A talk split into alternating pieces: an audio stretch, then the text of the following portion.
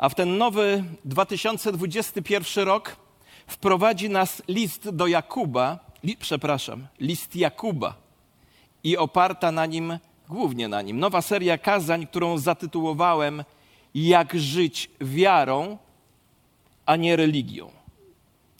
Żyjemy w czasach, w których słowo wiara i słowo religia w moim przekonaniu są często nadużywane, bo nie zawsze właściwie rozumiane. Ja osobiście lubię te dwa słowa przeciwstawiać sobie, kontrastować. Dla mnie wiara to stuprocentowe zaufanie do obiektu wiary. W naszym przypadku, w przypadku chrześcijan, do Jezusa Chrystusa. Religia natomiast dodaje do tego zaufanie do własnych starań, własnych zabiegów i tak dalej i tym podobne.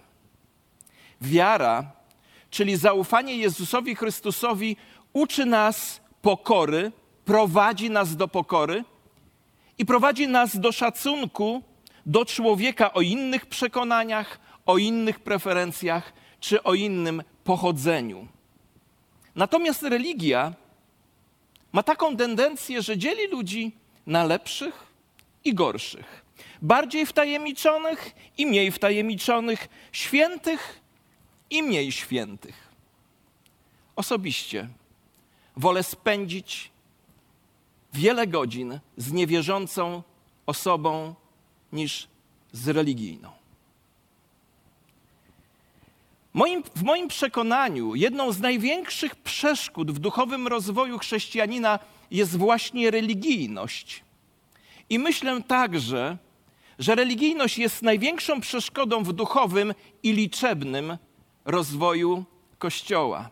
Ciągle zastanawiam się nad tym, jak to jest, że Kościół jest ciągle mały liczebnie, skoro Bóg chce, żeby wszyscy byli zbawieni. I mam wrażenie, jak mówi mój pastor Andrzej Bajeński, hamulce ręczne są zaciągnięte po naszej, a nie po Bożej stronie. Religia prowadzi ciebie do poszukiwania skutecznych zaklęć, czynności, świętych gadżetów, czy poszukiwania duchowych guru lub stawiania siebie samego w miejscu duchowego guru. W bardziej wysublimowany lub w bardziej agresywny sposób. Wiara natomiast tego nie potrzebuje. Ona potrzebuje głębokiej intymności z Jezusem. Religia dzieli życie na dwa obszary: ten odświętny i powszedni.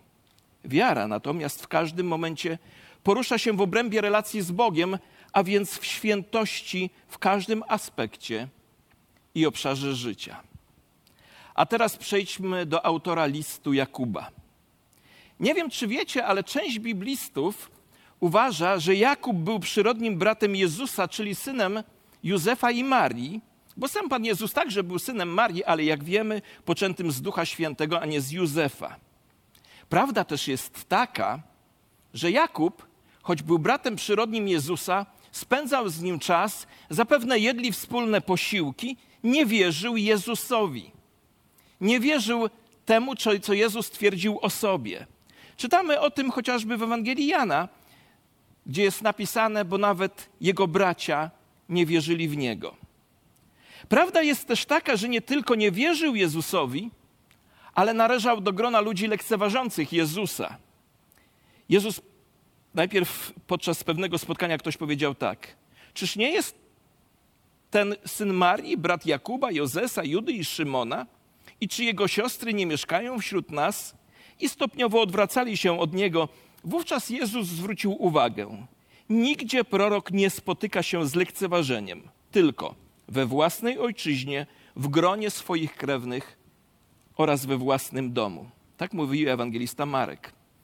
Wygląda też na to, jest duże prawdopodobieństwo, że Jakuba nie było przy śmierci Jezusa, a Jezus został skazany na śmierć z powodu tego, że uważał siebie za syna Bożego, a Jakub w to nie wierzył i z powodu tych twierdzeń lekceważył swojego brata przyrodniego Jezusa. Jezus umiera, trzy dni leży w grobie, po czym zmartwychwstaje I następnie, jak czytamy w liście do Koryntian, ukazał się Kefasowi, potem dwunastu, a potem pięciuset braciom naraz, z których większość dotąd żyje, a niektórzy pomarli. Później ukazał się Jakubowi, a następnie wszystkim apostołom. Jakub spotyka zmartwychwstałego Jezusa. A osobiste spotkanie z Jezusem zmienia sposób myślenia Jakuba na temat swojego brata Jezusa i czyni go przywódcą, pastorem, kaznodzieją, a ostatecznie męczennikiem wiary. Zobaczmy to raz jeszcze. Jakub nie wierzył Jezusowi, nie szanował Jezusa, nie, się, nie zgadzał się z tym, co nauczał i robił, ba nawet chciał wyciszyć Jezusa, czytamy o tym w jednym fragmencie. Jednak jego życie uległo radykalnej zmianie na skutek osobistego spotkania ze zmartwychwstajem Jezusem, a to sprawiło, że Jakub przyłączył się do pierwszego kościoła. Czytamy o tym w dziejach apostolskich, gdzie wszyscy trwali jednomyślnie w modlitwie wraz z kobietami oraz Marią, matką Jezusa i jego braćmi. Jakub po jakimś czasie stał się filarem pierwszego kościoła. Mówi o tym apostoł Paweł, wyrażając taką opinię. Jakub, Kefas i Jan, ludzie uchodzący za filary. Historia Jakuba trwa nadal. Kościół się rozwija, tworzą go Żydzi i poganie i powstają problemy, zarówno natury teologicznej, jak i duszpasterskiej.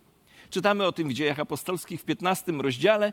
I gdy pojawiły się problemy, to właśnie głos autorytetu wyszedł z serca i ust Jakuba, i wszyscy go usłuchali, ponieważ Jakub miał apostolski autorytet wśród wierzących. A teraz posłuchajmy, co historia, co historycy wczesnego kościoła mówią o Jakubie. Mówią między innymi to, że miał dwa przezwiska. Jakub Sprawiedliwy, cóż za przydomek.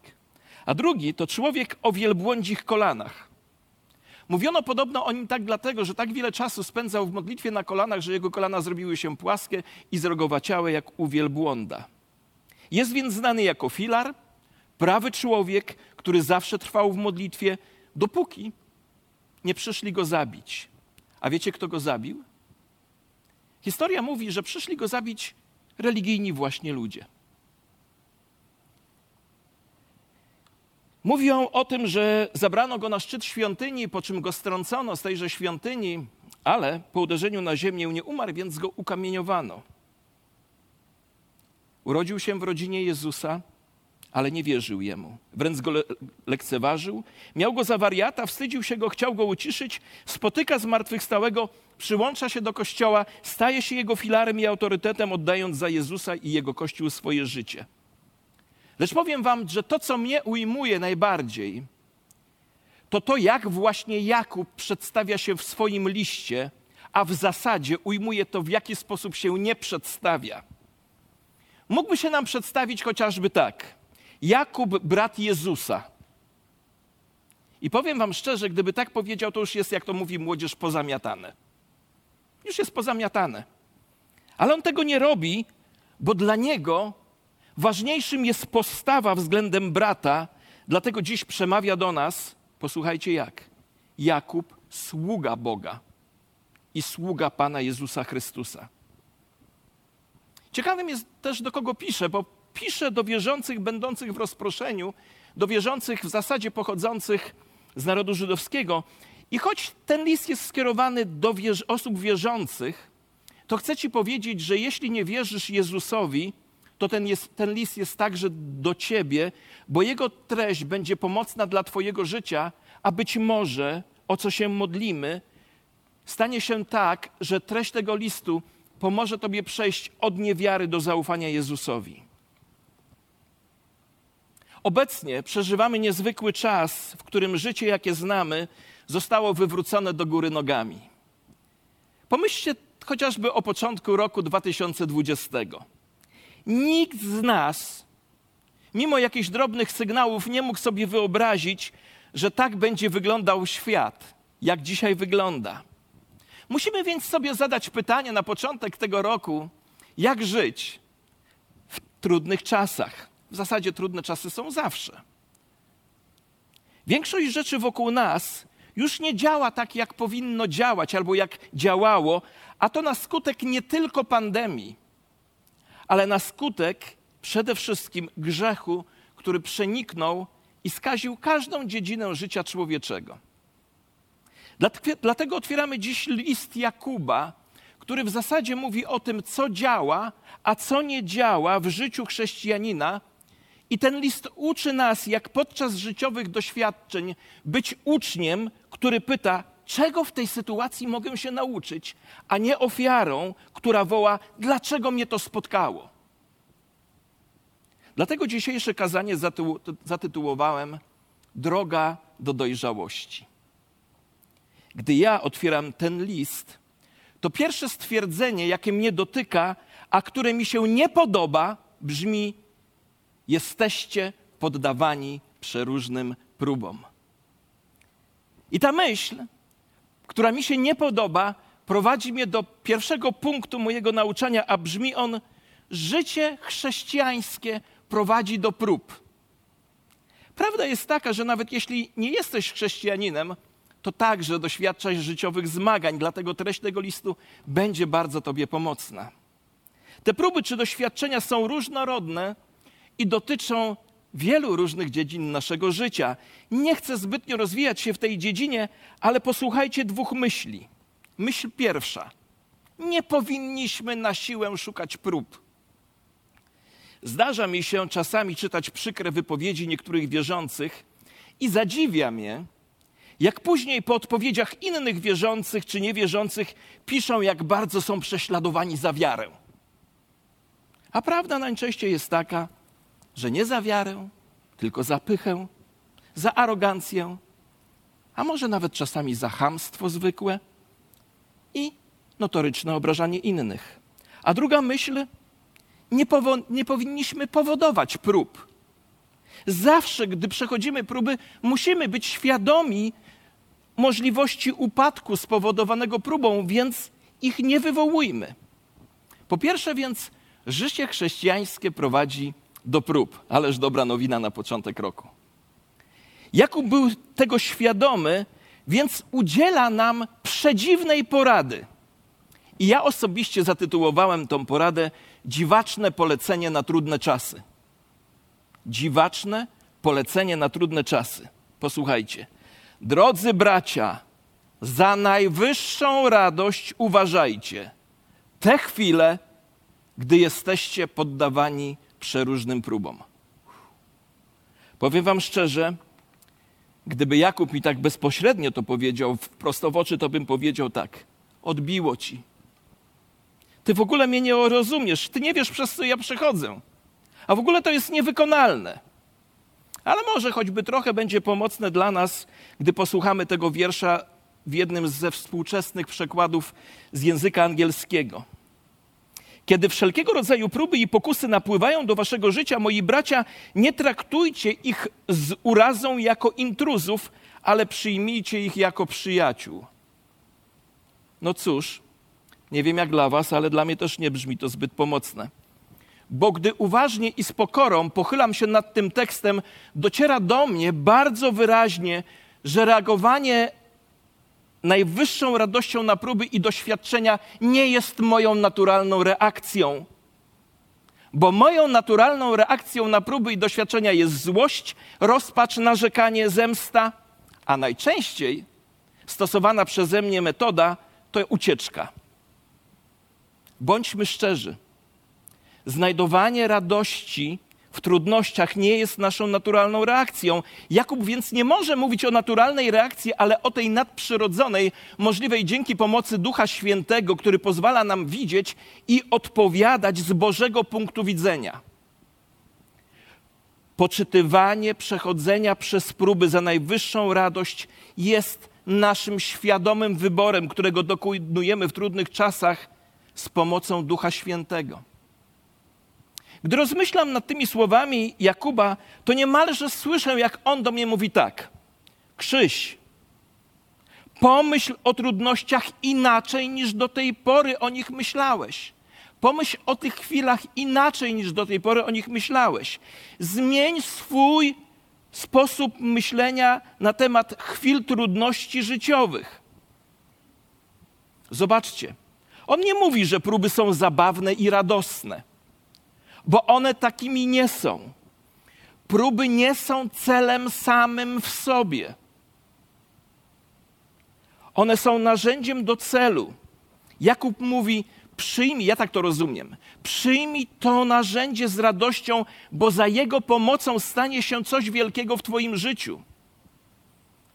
Dla mnie bardzo pomocną jest świadomość tego, że to, co przechodzę w trudnych chwilach, nie jest końcem rozdzia ostatniego rozdziału mojej historii, ponieważ moja historia idzie w wieczność.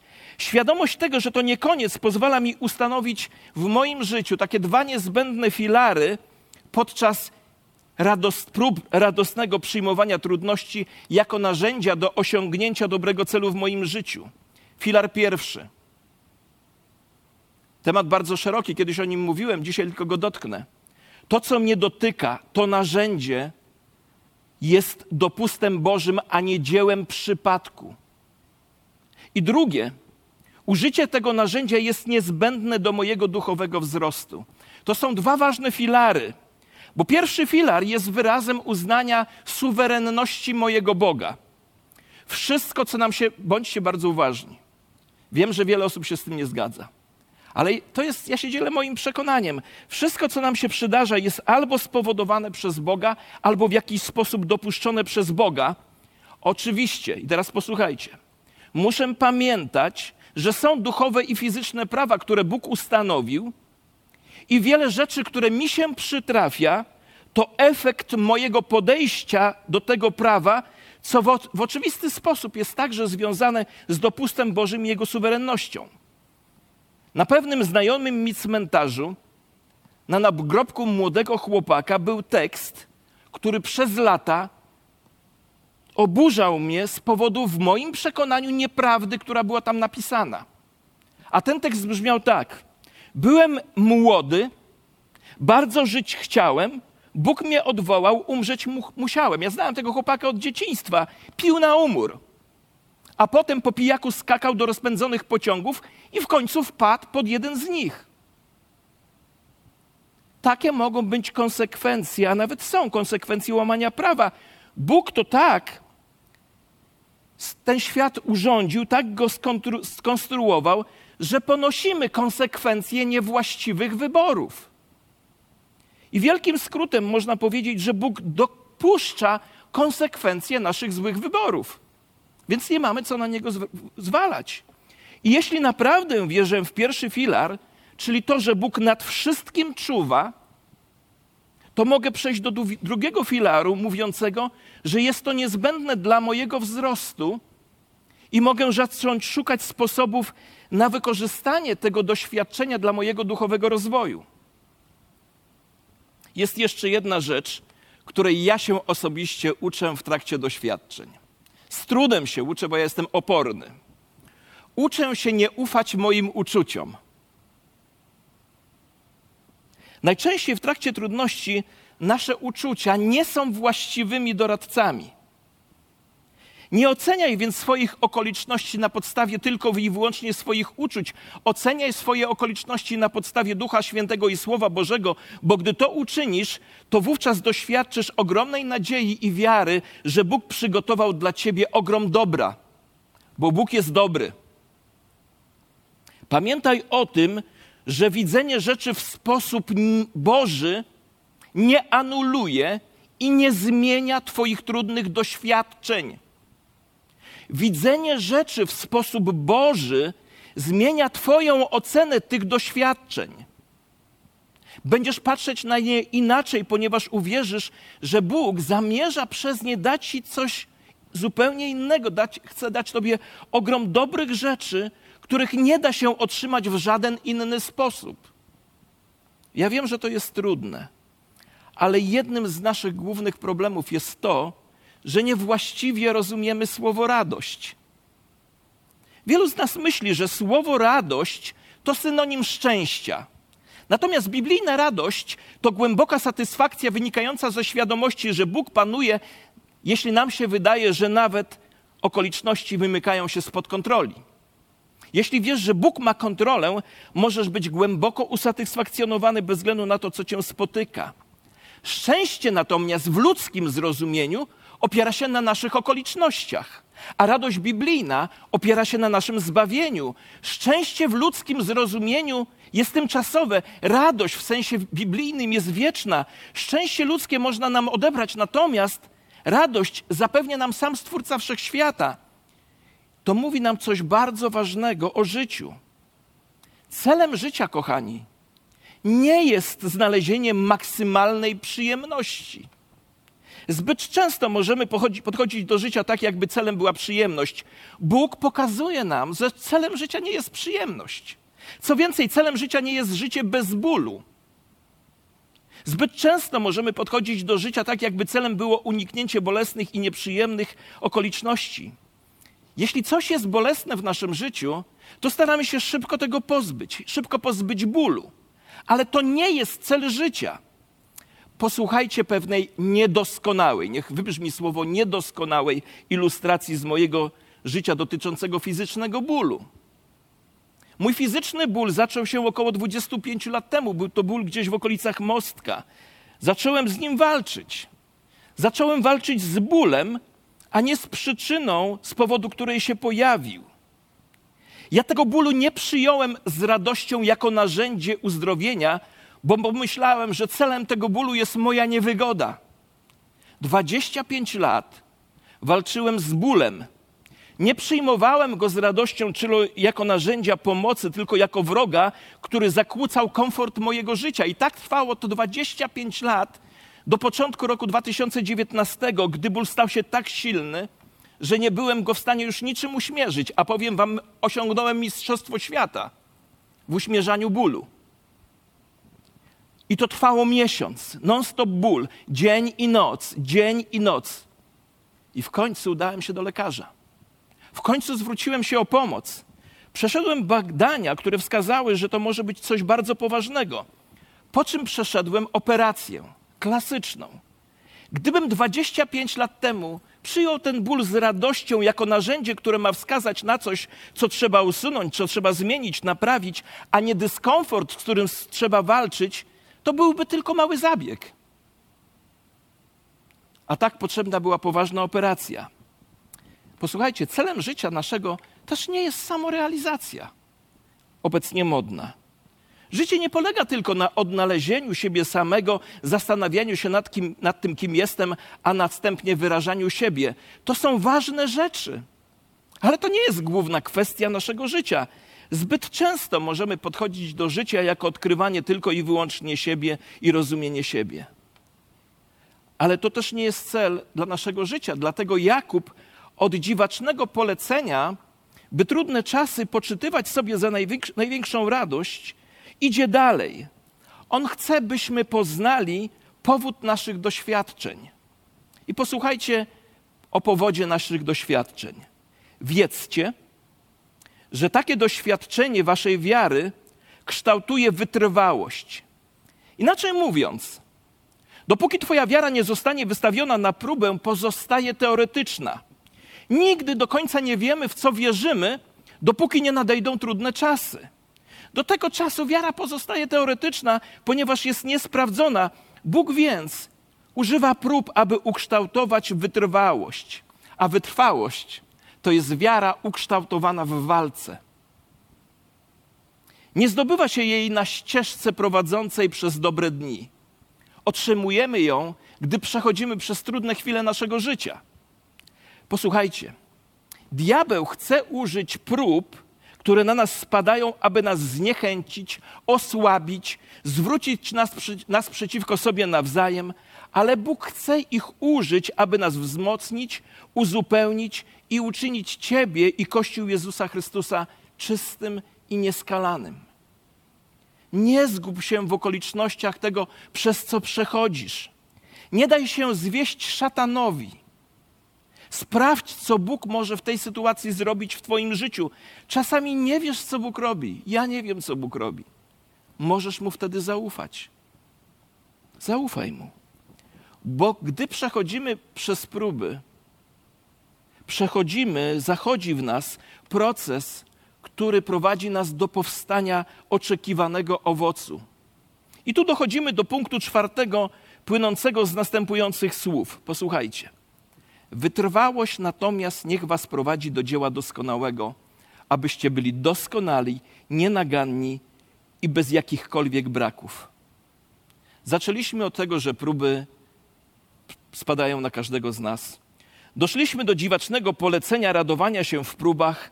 Poznaliśmy powód doświadczeń, którym jest wykształtowanie wytrwałości, a to prowadzi nas do poważnego Bożego zapewnienia. To jest Boże zapewnienie, które także odsłania cel naszych życiowych prób. Dlatego teraz o poważnym zapewnieniu i o celu. A to zapewnienie brzmi: wytrwały upór w próbach rodzi duchową dojrzałość. Słyszycie? Wytrwały upór w próbach rodzi duchową dojrzałość. Celem jest duchowa dojrzałość. Inaczej mówiąc, kiedy przychodzi na nas kres prób i zakończą one swoją pracę w nas, nie zabraknie w naszym życiu niczego, czego Pan od nas oczekuje. Jeśli potrzebujemy wiary, będziemy ją mieli. Jeśli potrzebujemy nadziei, będziemy ją mieć. Jeśli potrzebujemy miłości, będziemy ją mieli. Nic nie zostanie pominięte, nic nie zostanie zapomniane. Pozwólcie na jeszcze jedną ilustrację. Wiecie, czub promów kosmicznych był obkładany wieloma płytkami.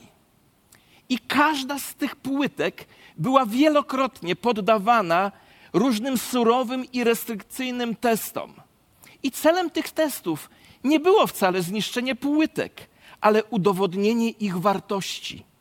Chodziło o to, czy wytrzymają one ekstremalne ciepło i ciśnienie podczas ponownego wejścia promu do atmosfery. Kochani, Bóg pozwalając nam przejść przez próby, nigdy nie ma na celu zniszczenia, ale chce pokazać nam prawdę o nas samych bo przecież możemy chwalić się pewnymi rzeczami, a nawet wierzyć, że tak jest w moim życiu, ale kiedy jestem wystawiony na próbę, to naprawdę okazuje się tym, kim ja naprawdę jestem. Ale po drugie, doświadczenia dowodzą mi także wierności Boga, kiedy podczas prób kurczowo trzymam się Jego obietnic. I już zakończenie. Kiedy nadchodzą trudne czasy, kiedy nadchodzą próby, jest coś, czego nie możemy się dowiedzieć, i jest coś, co możemy wiedzieć. Nie zawsze możemy się dowiedzieć, dlaczego coś się dzieje tak, jak się dzieje. I posłuchajcie tego zdania. Im większa tragedia, tym większa tajemnica. Im większa tragedia, tym większa tajemnica. Tak to już jest. Bóg nam się nie musi tłumaczyć. Idąc przez życie, możemy spojrzeć wstecz i zobaczyć wiele luk, które byśmy chcieli, żeby Bóg wypełnił, ale w większości przypadków przyjdzie nam czekać aż do momentu, kiedy wejdziemy do nieba. Kiedy nadchodzą ciężkie czasy, warto jednak wiedzieć, że w naszych próbach Bóg działa dla naszego dobra i dla swojej chwały, bo dla dzieci Bożych jak mówi apostoł Paweł, wszystkie rzeczy służą ku dobremu. Czasami będziemy to w stanie dostrzec. Czasami będziemy musieli po prostu przyjąć to wiarą, ale jest to prawdą niezależnie od tego, czy w to wierzymy, czy nie.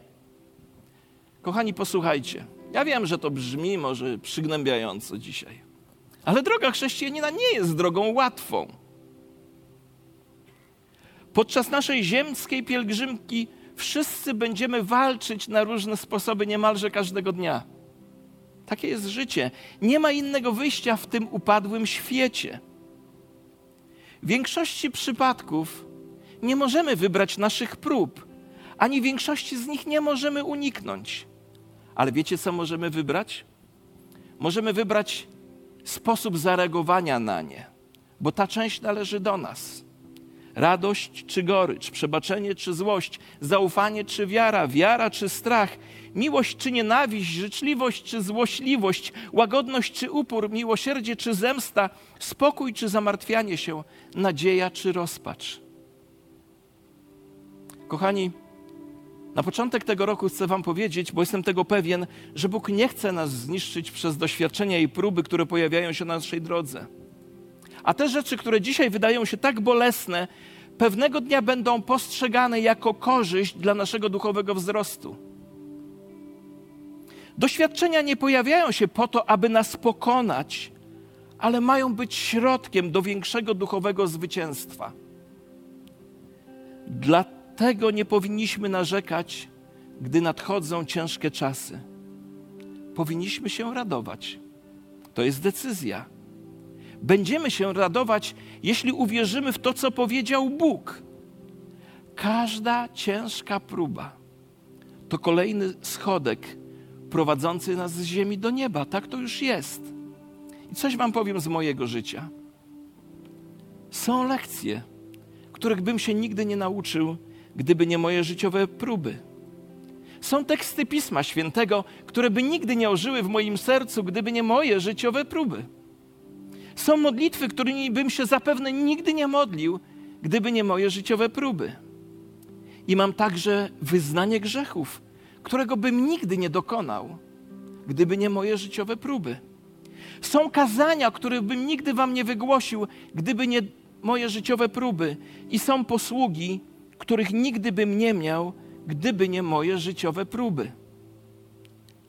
Są też ludzie, dla których nie byłbym błogosławieństwem, gdyby nie moje życiowe próby. I jest dojrzałość, której nigdy bym nie osiągnął, gdyby nie moje życiowe próby. I jest chwała, której bym nigdy nie oddał Bogu, gdyby nie moje życiowe próby. I jestem pewien, że to wszystko dotyczy każdego z Was. Bóg wykorzystuje Twoje doświadczenia i próby, aby Cię rozwijać, abyś dojrzewał, abyś się stawał coraz bardziej podobny do Jezusa.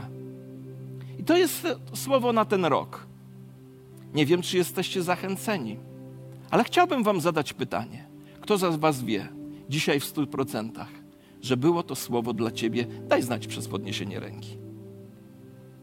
Zobaczcie, większość z nas, a to dlatego, że większość z nas się z tym zmaga. Chrześcijaństwo nie jest cukierkowe. Chrześcijaństwo jest bardzo życiowe. Chrześcijaństwo nie jest odświętne, tylko jest codzienne. I właśnie w tym codziennym życiu po naszej stronie jest Bóg, który nie czyni nic, by nas zniszczyć, ale wszystko, co robi w naszym życiu, ma służyć naszemu spełnieniu i głębokiej przemianie. Ma służyć temu, że nasze życie przyniesie pożytek z tego, że w ogóle tu jesteśmy, a na finale oddaje Mu chwałę, bo o to w życiu chodzi. Amen. I Panie, dziękujemy Tobie, że dziś wprowadzasz nas w ten nowy rok, przypominając nam te tak ważne rzeczy. A my dzisiaj za to chcemy Tobie oddać chwałę, za to chcemy Tobie podziękować i wznieść do Ciebie pieśń chwały. Amen.